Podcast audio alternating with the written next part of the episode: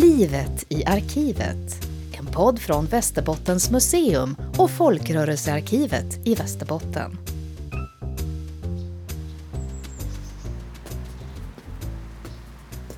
En ung teckningslärare som heter Maja Beskov tar sina första steg upp för den här skoltrappan i början av förra sekelskiftet.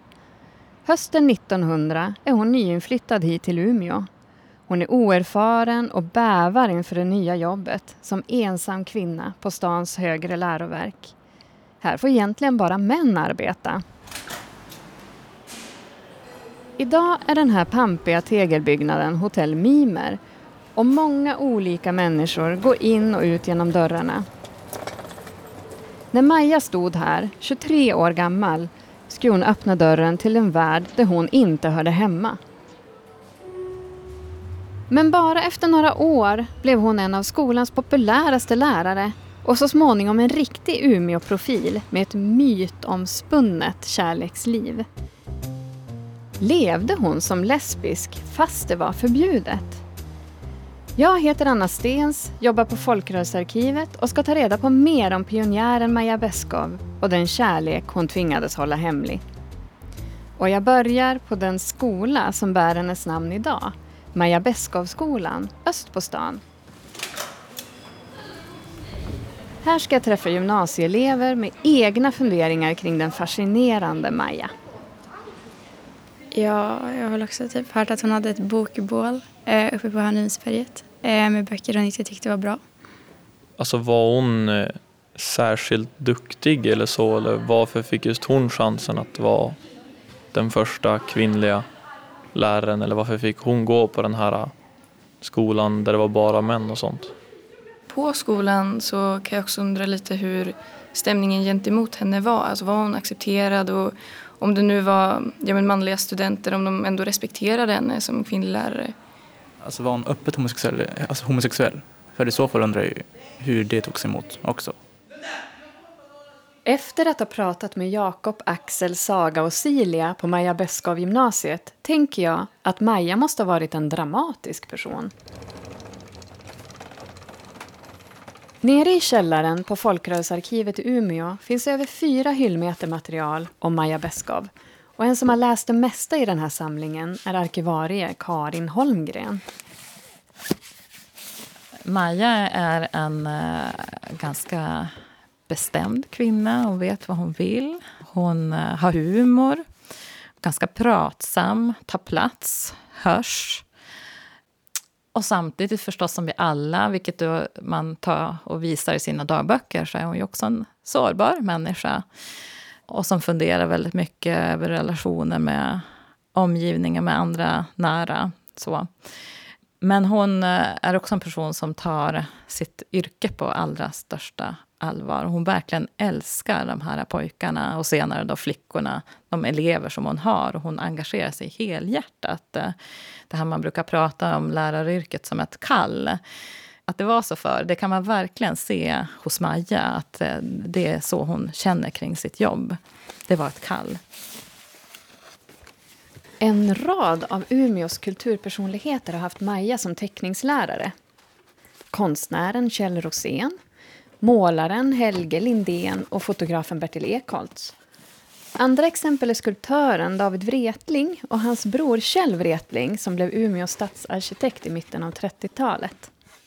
Han höll i pennan när stadsdelarna Haga, Sandbacka, Sofiehem och Berghem skulle planeras och är dessutom arkitekten bakom många skolor och andra byggnader här i Västerbotten. Mest känd av Majas elever är kanske formgivaren Stig Lindberg som står bakom svenska porslinsklassiker som Berså och Spisa ribb. Och som skolkille fick Stig högsta betyg av sin teckningslärare Maja. Från början var det alltså bara pojkar på hennes lektioner. Och jag tänker nu på frågorna som jag fick med mig från Maja Beskow-gymnasiet. Varför fick just Maja jobb på ett läroverk som bara var öppet för män? Ja, hon fick ju till en början ett vikariat som teckningslärarinna. Då. Eh, så jag tror aldrig att det var tänkt då att hon skulle bli kvar på skolan. Men sen blev hon ju det. Den eh, ordinarie eh, innehavaren av tjänsten, den mannen, han dog. Eh, och då fick hon söka dispens hos, hos kungen för att få den här tjänsten. Att hon fick den då, det hade väl att göra med både att hon hade gjort ett bra jobb, men väldigt mycket hade det också att göra med att teckning var ett så kallat övningsämne. Det var alltså ett praktiskt ämne och hade inte alls samma status som andra teoretiska ämnen såsom matematik, eller kemi, kemi eller historia. Respekterade de manliga studenterna Maja? Det var ganska tuff start. Hon var jättenervös när hon kom hit, i, hitflyttande till Umeå. Men eh, ganska så snart så, så får hon eh, respekt från eleverna och blir väldigt populär. Eh, det var så att hon hon har berättat den här historien själv, men, men det var i samband med någon brand på ytter, i Ytterhiske, alltså väst, väst på stan numera, säger man ju. Så blev läroverkets elever engagerade i att delta i släckningen. Och Maja tog med sina elever och lyckades tydligen organisera det här på ett väldigt snyggt sätt. Så efter det så, så fick, eh, fick de en helt annan respekt för henne. Eh, men sen framförallt så visade sig hon vara väldigt duktig som pedagog, som lärare. Ja, hennes lektioner blev, som jag förstått det, några av de mest populära. När jag tittar här i arkivet om Maja Beskows liv då växer en motsägelsefull bild av henne fram. Å ena sidan en pionjär, en ung talang som utbildade sig på Konstfack i Stockholm. En kvinna som vågade ta för sig och bryta ny mark i början av 1900-talet. Men å andra sidan en konservativ Umebo som håller fast i gamla värderingar. Hon gick ju till exempel med i Svenska förbundet för sedlig kultur eftersom hon ville att unga människor skulle läsa god fostrande litteratur på valborgsmässoafton 1909 så arrangeras det ett bokbål. Man bränner 320 stycken Nick Carter-böcker. Och eh, det är nog inte bara Maja som är delaktig i det här utan det är flera andra lärarinnor också. Men alltså Nick Carter-böckerna, vad, vad var fel med dem då? Det var dåtidens eh, populäraste ungdomslitteratur som jag förstått det. Det var en amerikansk eh, serie som eh, handlade om en eh, privatdetektiv. Jag vet inte om det har, att göra med att det har någon slags brotts... Det är brott inblandat eller vad det nu är för någonting. Jag kan inte, med våra ögon idag så är det svårt att se vad det skulle vara för, för fel på de här. Men det är väl också kanske att det kommer influenser från, från väst, från USA som man inte, som inte uppskattades, uppskattades eller såg som något nytt och lite farligt kanske. Efter bokbålet ser Maja till att köpa in ny litteratur så att hennes elever ska kunna läsa bra böcker. I det här arkivet om Maja Beskow har det länge gått att läsa om hennes yrkesliv. Bläddra i Stig Lindberg och hennes andra skolelevers betyg. Det har också varit känt att Maja var en aktiv föreningsmänniska som engagerade sig i allt från scoutrörelsen till Moderata kvinnoföreningen, Svenska kyrkan och EFS, Evangeliska Fosterlandsstiftelsen. Hennes kristna tro var mycket viktig för henne och hon blev nära vän med stans kyrkoherde Carl-Gunnar Grape. När Maja sen dör är det han som får ta hand om hennes gamla dagböcker. De avslöjar hur Maja levde som privatperson och kan ha gallrats ut för att inte bli lästa som det andra materialet här i hyllorna. Hennes dagboksanteckningar visar en annan bild av Maja, den hon själv försökte dölja. Jag kunde knappt tro det. Att någon hålla mig kär. Jag som är så stor och ful och bråkig och otrevlig. Och till hon som i alla avseenden stod så högt över mig som sett och känt så många och trots allt brydde sig om att kalla mig sin vän. Att krypa in i min famn som en liten fågel. Att säga att hon hade det så gott hos mig. Att hon tyckte jag var stor och stark och rar. Dagböckerna visar att det har funnits många kvinnor i Majas liv. Vänner, men också kvinnor hon levt mer intimt med. Hon har setat i knä då hon varit trött och tyckt att min arm låg så skönt kring hennes liv. Hon har legat på rygg i sin säng och sjungit för mig då jag varit sorgsen. Sjungit Kan det tröste med sin underbart mjuka, själfulla röst som vibrerar av känsla och fyller ens varelse med musikaliskt välljud. Sett på mig under halvslutna ögonlock med sina djupa, mörka ögon. När jag såg i den var det som att dricka vatten ur en klar källa. Kanske hade Maja och kyrkoherde Carl-Gunnar Grape kommit överens om att hennes dagböcker skulle sparas för eftervärlden, för en modernare tid. Det vet vi inte. Men så småningom blir kyrkoherden biskop i Skara stift och först när han går i pension, 1989, lämnar han ifrån sig Maja Beskows livsberättelse. Hennes privata dagböcker hamnar så småningom här, i arkivet, i en anonym papplåda. Så stod den här uppe, ganska högt upp på hyllan. Var väldigt tung. Ingen förväntar sig att det ska finnas något spännande i den bruna lådan, så den glöms bort och blir stående på en av hyllorna här orörd i 30 år. Tills arkivarie Karin Holmgren börjar kika på innehållet. Först så förstod jag ju någonstans att den här lådan var förseglad. Redan där fick, det började kittlas i kroppen på mig. Att jag så förstod, att, för den känslan är väldigt speciell. När man ser att det här har ingen tidigare öppnat. Nu blir jag den första som lyfter på den här tejpen och öppnar lådan. Eh, och det gick ju ganska så snabbt så, så fick jag ju liksom gåshud lite, hjärtat började klappa lite snabbare. För att jag förstod ju bara det, att jag såg vad det var för någonting. Att jag såg att det var almanackor och dagboksanteckningar. Så förstod jag ju någonstans där att det här är ett speciellt material. Det här var en kvinna som hade funnits mycket intresse kring. Och så finns det här materialet. Jag såg ju mängden också av de här böckerna som låg där. Och sprang raka vägen till min kollega och, liksom berättade att nu tar vi en snabb lunch och sen ska du följa med mig ner i arkivet. Jag har hittat en skatt. Hon har sätat vid min sida och vi har talat om allt på jorden och i himlen. Och jag har aldrig varit rädd att säga mina dummaste åsikter rent ut. Och hon har aldrig skrattat åt dem. Och jag har blottat för henne alla mina medvetet svaga sidor. Och hon har sagt mig sin mening om dem på sitt härliga, aldrig sårande sätt. Och jag har tyckt att ingen varelse på jorden stått min själ så nära som hon. Jag har hållit av henne. Jag har rätt ett rum för henne i mitt hjärta. Så mjukt och gott och varmt så att hon aldrig skulle frysa där och aldrig mer känna sig trött. Hon fyllde min själ med lycka.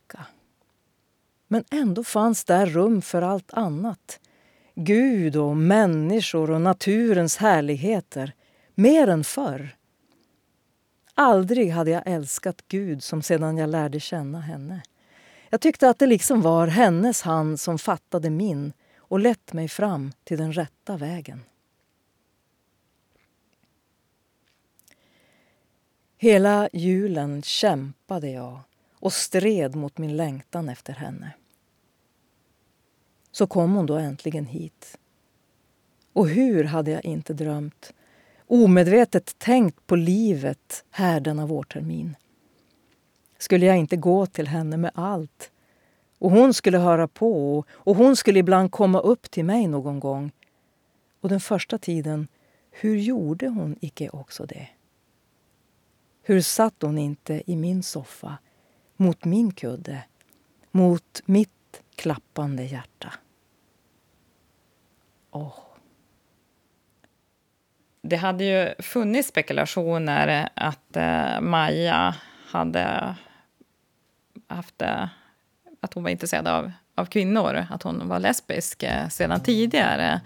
Eh, man hade tittat, eh, flera forskare som har varit tittat på det äldre materialet och funderat kring hur var det med hennes relation med Julia Byström. Julia Byström, en äldre lärarinna som undervisar flickor, bor tillsammans med Maja i 40 år och de två ligger begravda tillsammans på Västra kyrkogården i Umeå. Men det är ingen som har riktigt hittat något tydligt och klart där som visar på att de hade en kärleksrelation. Eh, Julia var 20 år äldre och som jag förstått det var hon mer som en mentor för Maja. Men den tanken har funnits. Eh, och någonstans hade jag väl kanske också den tanken med mig när jag började titta på det här materialet. Men väldigt snart så när jag började läsa framförallt de här lösa, lite längre dagboksanteckningarna så förstod jag att här fanns det en kärlekshistoria. Och bland annat så beskriver Maja eh, hur hon aldrig tidigare har känt så här i hela sitt liv. Att hon beskriver att hon har eh, haft liknande känslor för andra.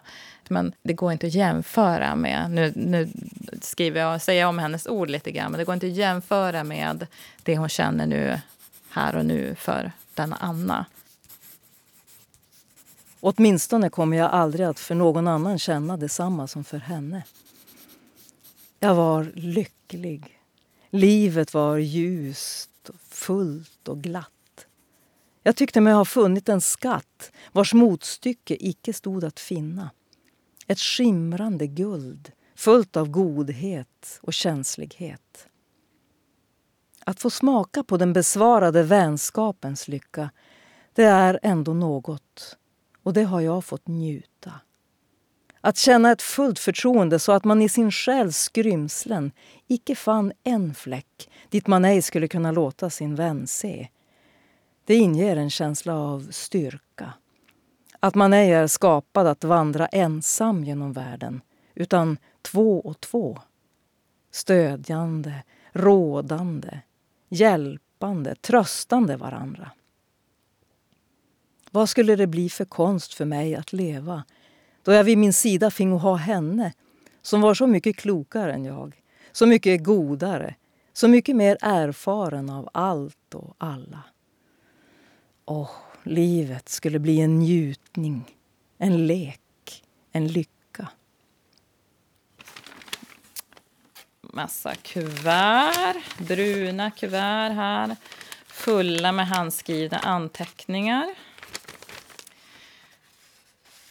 Och sen så då framför allt så låg det då travar med almanackor eller annotationsalmanackor som det kallas. Eh, där Maja då har skrivit från att hon kommer till Umeå. Första almanackan från år 1900, den börjar hon skriva i när hon kommer till Umeå, alltså i augusti 1900. Och då kan man då ta del av hennes hur hon anländer hit med båten Uman. Och så kan man se hur hon mottas på kajen i Umeå och så vidare. Och sen så finns det då sån här, en almanacka för varje år ända fram till 1963. Året innan hon går bort. Och de här är ju sprängstoff. Så de innehåller så, så mycket. Både om hennes liv, eh, sätt att leva för en kvinna i den generationen. Hur det var att vara lärare under den här tiden. Men också hur det var att bo i Umeå. Hur man rör sig på gatorna, vilka, hur umgänget såg ut och så vidare. Hur man eh, tvättade och var man handlade och så vidare. När jag började titta på materialet så såg jag ju att det fanns potential och jag såg att det var en, ett kvinnonamn som eh, förekom väldigt frekvent. Eh, och det var ju Anna Åfält. Då. Först så stod det Anna bara, och sen så kom det ett Åfält och sen så gick jag in att här var någon som bodde, hade någon koppling till Borgsjö, ganska nära Ånge. Eh, hon eh, kommer från, har, ja, familjen är ganska gott ställt. Hennes pappa är grosshandlare så att eh, alla hennes eh, syskon och hon har fått studera vidare. Anna Åfeldt från Borgsjö Medelpad kommer tidigt in i Majas liv och ska få en särskild betydelse. Båda satsar på läraryrket och lär snabbt känna varann som nyinflyttade i Umeå.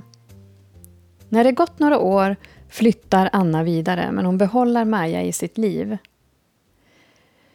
Det har länge funnits ett foto här i arkivet som visar en kvinna i en vit klänning som ror en eka. Ingen har vetat vem hon är och inte heller vems hatt det är som fäller en skugga över kvinnans klänningstyg. Men Majas dagbok svarar på gåtan. Mm. Eh, Maja och Anna har ju faktiskt en eh, form av kärleksweekend i Borgsjö där eh, Anna är uppvuxen. Eh, de åker dit några dagar tillsammans i juni 1903. Först så är eh, deras eh, gemensamma vän eh, Alma med, men hon åker vidare till Sundsvall. Och då får då Maja och Anna några dagar för sig själv. Eh, och i almanackorna så förstår man att de har det väldigt härligt tillsammans. De eh, ligger i gräset och somnar till under den sibiriska ärtbusken. De är och går någon promenad i bergen, de ror ut med ekan eh, Eh, i forsen. Men eh, mest av allt så skriver man att de äter och sover och ligger kvar länge på morgnarna.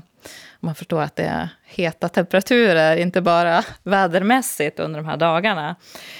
Och sen finns det då fantastiskt vackra bilder från den här eh, kärleksweekenden i Borgsjö. Och som ju då innan vi hade det här materialet var helt oidentifierade. Det fanns, eh, det fanns uppgifter som Anna Å Borgsjö. Det är så att Maja Beskows fotosamling den ligger på Västerbottens museum. Och eh, en stor del av materialet har man inte så mycket uppgifter kring. Det finns några enstaka namn på en del personer. Men eh, den här bilden vi har framför oss här, då, här ser man ju Anna som sitter i fronten av en eka. Och på den så stod det bara Anna Å Borgsjö. Och tack vare det här materialet så visste vi att det var Anna Åfält. Och vi kunde då slå upp och läsa hela liksom, förloppet eh, i almanackorna, i Majas almanackor. Och då får man en helt annan känsla för den här bilden. Det, här ser vi då Anna som sitter då i båten. Hon har en ljus, kanske vit klänning. Lång klänning, jättevacker med några volanger. Man ser att det blåser lite grann. Och hon spanar ut eh, över vattnet. Ja, hon har också en jättevacker fläta i håret, en väldigt fin håruppsättning. Sen ser man på hennes kjol att så ser man en liten skugga. Och när man då vet och har de här äh, förvecklingen i almanackorna så får man att det här är Maja och Anna som är ute på en egen tur med ekan. Det är Majas skugga som vi ser, hennes äh, hatt. Då. Hon har antagligen någon hatt på sig, för det ser ganska brett ut där äh, över huvudet. Och det är hon som har tagit bilden. Då. Och det finns också andra bilder från den här resan till Borgsjö. eh, som ju får då en helt annan innebörd när man känner till den här kärlekshistorien. Maja, hon eh, hon hade ju utbildat sig på eh, det som idag kallas Konstfack, då hette det Tekniska skolan. Och där hade hon, förutom att då lärt sig till teckningslärarinna, så hade hon också fått utbildning i fotografi. Eh, så hon fotar en hel del. En duktig amatörfotograf kan man säga och framkallar själv. Man kan se i almanackan att hon har varit till fotografen och så vidare.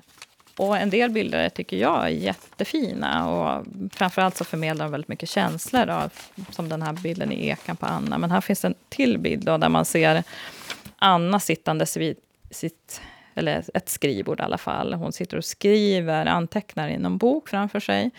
Eh, och hon tittar rakt in i kameran. Och bakom kameran så står ju då Maja. Och solen lyser in på henne, på hennes huvud.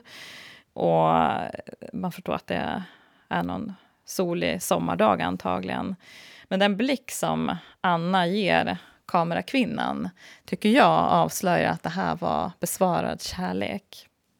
Och bakom här på sidan då, så ser man då Annas rumskamrat Alma. Hon sitter djupt insjunken i någon bok där och jag tror att hon anar inget av vad som försiggår mellan kamerakvinnan och Anna vid skrivbordet. 16 januari 1903. hade det gått på natten. Anna och jag vaknade vid niotiden. 8 februari. Skymningsprat om religion, bondpojkar, kärlek och sympati, giftermål och lyckans villkor. Sluta med syltätning. Och här är då ett gäng monogramskisser. Bland annat då bland de här monogrammen så låg det då en skiss som var mycket större än de andra. Och här ser vi då två initialer framför oss. Eh, och man ser rosor. Och eh, lite runt omkring här ser ut som ett hjärta. Och ganska snart så såg jag här att det står faktiskt A Och då när man då känner till den här kärlekshistorien så får de här rosorna en helt annan mening. Och ja, men ett hjärta, ja, men det ser verkligen ut som det. Att de här eh, rosorna bygger som ett hjärta. Eh, och sen går det liksom inte när man väl har sett det att se också en, en form av en kvinnlig vagina i det här materialet.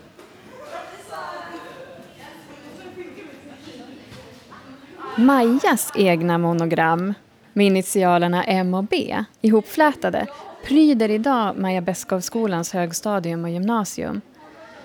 När jag träffade gymnasieelever där så frågade jag dem hur de tror att det var att leva som ung homosexuell i Umeå i början av 1900-talet. Och så här svarade Alfred och Robin.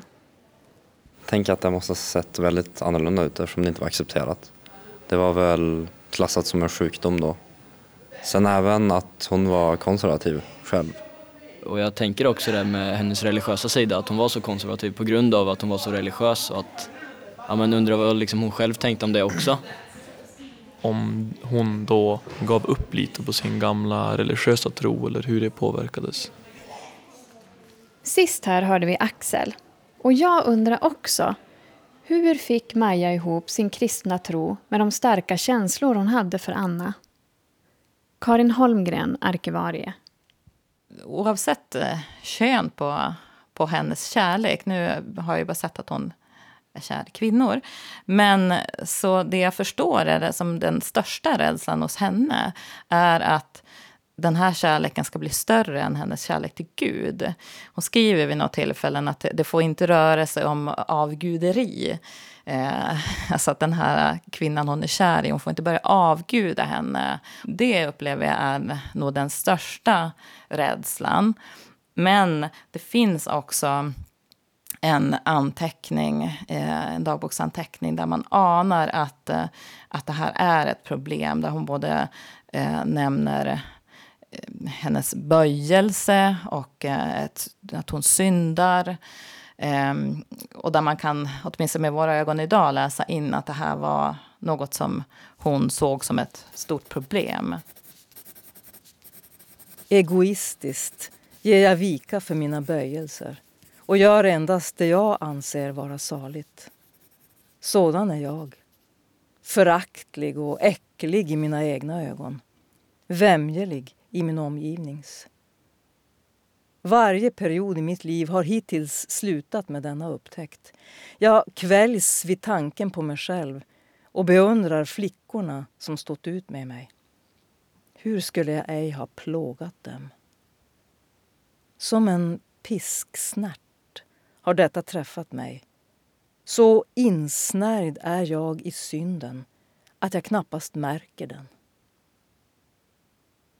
Omkring 1900, det är en period när det forskas alldeles väldigt mycket om, om eh, kärlek mellan kvinnor och kärlek mellan män och sexualitet överhuvudtaget. Eh, och de hittar på, forskarna hittar på hur mycket ord som helst Eh, för, för de här människorna och, och, saker som de kunde tänka sig ha för sig och vilka känslor man kunde ha och hur man ville klä sig och så vidare och så vidare och så vidare. Det här är Eva Borgström, professor i litteraturvetenskap på Göteborgs universitet. Hon har länge forskat om kärlek mellan kvinnor i svensk litteratur och själv skrivit och medverkat i en rad böcker om det. Bland annat Berättelser om det förbjudna och den kvinnliga tvåsamhetens frirum. Mm. Alltså för oss idag, vi tycker ju att vi är så frigjorda. Vi tycker att vi får eh, göra som vi vill och älska vem vi vill. Men Ehm, jag tror att eh, vi inte riktigt kan tänka oss att det fanns att det verkligen fanns ett större frirum för, för kvinnor till exempel omkring 1900, om vi tar det årtal, årtalet. Det finns en äh, jätterolig artikel från 1908, tror jag. En hel, en hel sida är det, om ett äh, par kvinnor. De hade levt tillsammans i 50 år. Eh, och nu skulle det firas på Stadshotellet, detta. Eh, och så var det då såna här hemma hos-reportage eh, hos de här kvinnorna hur det hade gått till. Och så berättades det om att den ena kvinnans bror som var en högt uppsatt i staden, han hade hållit tal för jubilarerna.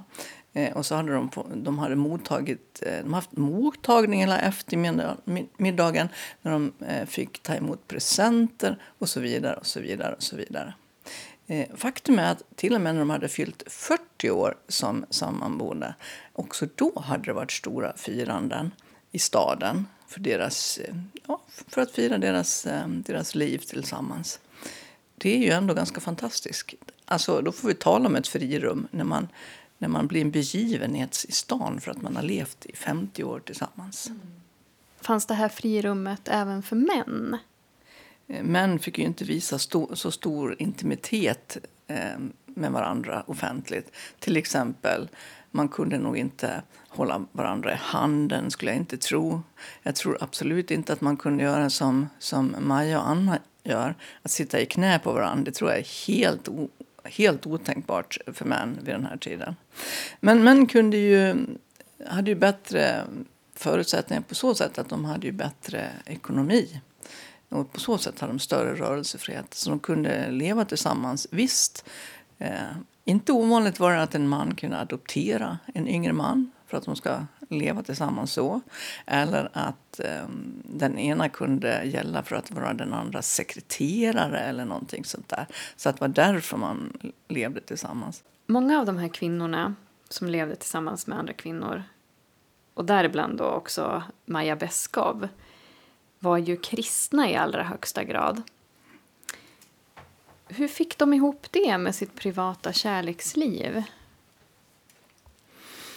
Jag tror inte att det var svårt alls. Jag tror inte att det fanns den typen av ska vi säga, homofob kristen högerpropaganda på den tiden.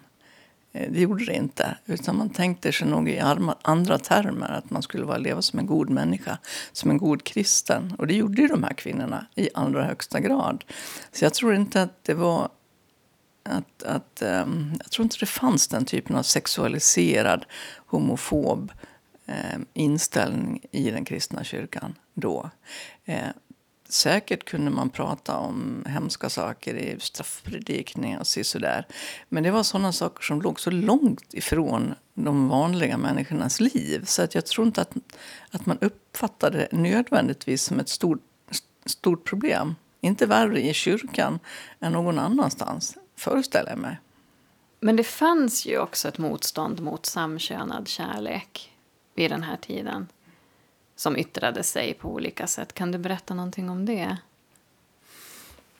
Um, man får tänka sig att det, det finns ju ett gammalmodigt sätt att tänka på eh, samkönad kärlek. Och då tänkte man ofta det som någon form av, av ehm, um, monstruositet.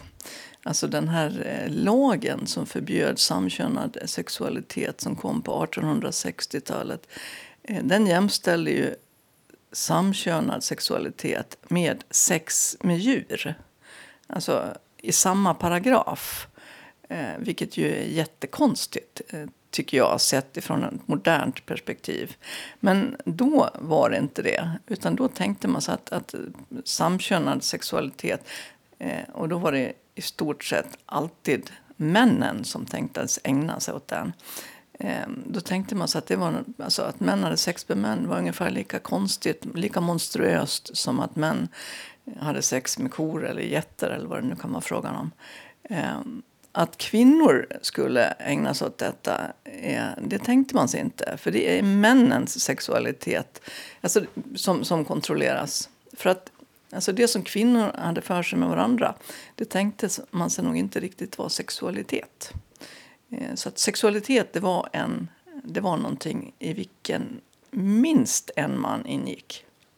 Så att kvinnor kunde nog vara ganska intima med varandra utan att man tyckte att det var sexualitet. Mm, jag tror det är viktigt när man gör slut att man förklarar att det kanske inte just var att den gjorde något fel heller. Så att det är just att man som personer kanske inte funkar tillsammans. Jag tycker att eh, man ska i den mån man kan eh, avsluta det på goda good terms eller vad man ska säga. Och eh, göra det ansikte mot ansikte. Bättre att göra det tydligt än att det blir lite fram och tillbaka och ja, men att man inte riktigt vet och, och kanske går och hoppas och, och så, även om det inte kommer gå. Robin, Alfred och Saga på Maja Beskow-gymnasiet. Påsken 1905 händer någonting. Maja och Anna träffas bara på lov och andra ledigheter. Och den här påsken har Maja längtat så mycket efter Anna som nu kommer tillbaka till Umeå för att hälsa på. Men plötsligt lämnar Anna Umeå igen samma eftermiddag. Maja tar det hårt och skriver snart in sig på en klinik för att få vård av en berömd nervdoktor. Sedan vi skildes har jag haft fem fasansfulla vaknätter. Min själ piskas med järngissel. Dina ord sedan i påskas träffar mig om och om igen, som ljungeldar. Jag förstår att jag slitit sönder den vackraste gåva Gud gav mig. Att jag skulle göra dig så illa, det är det värsta lidandet.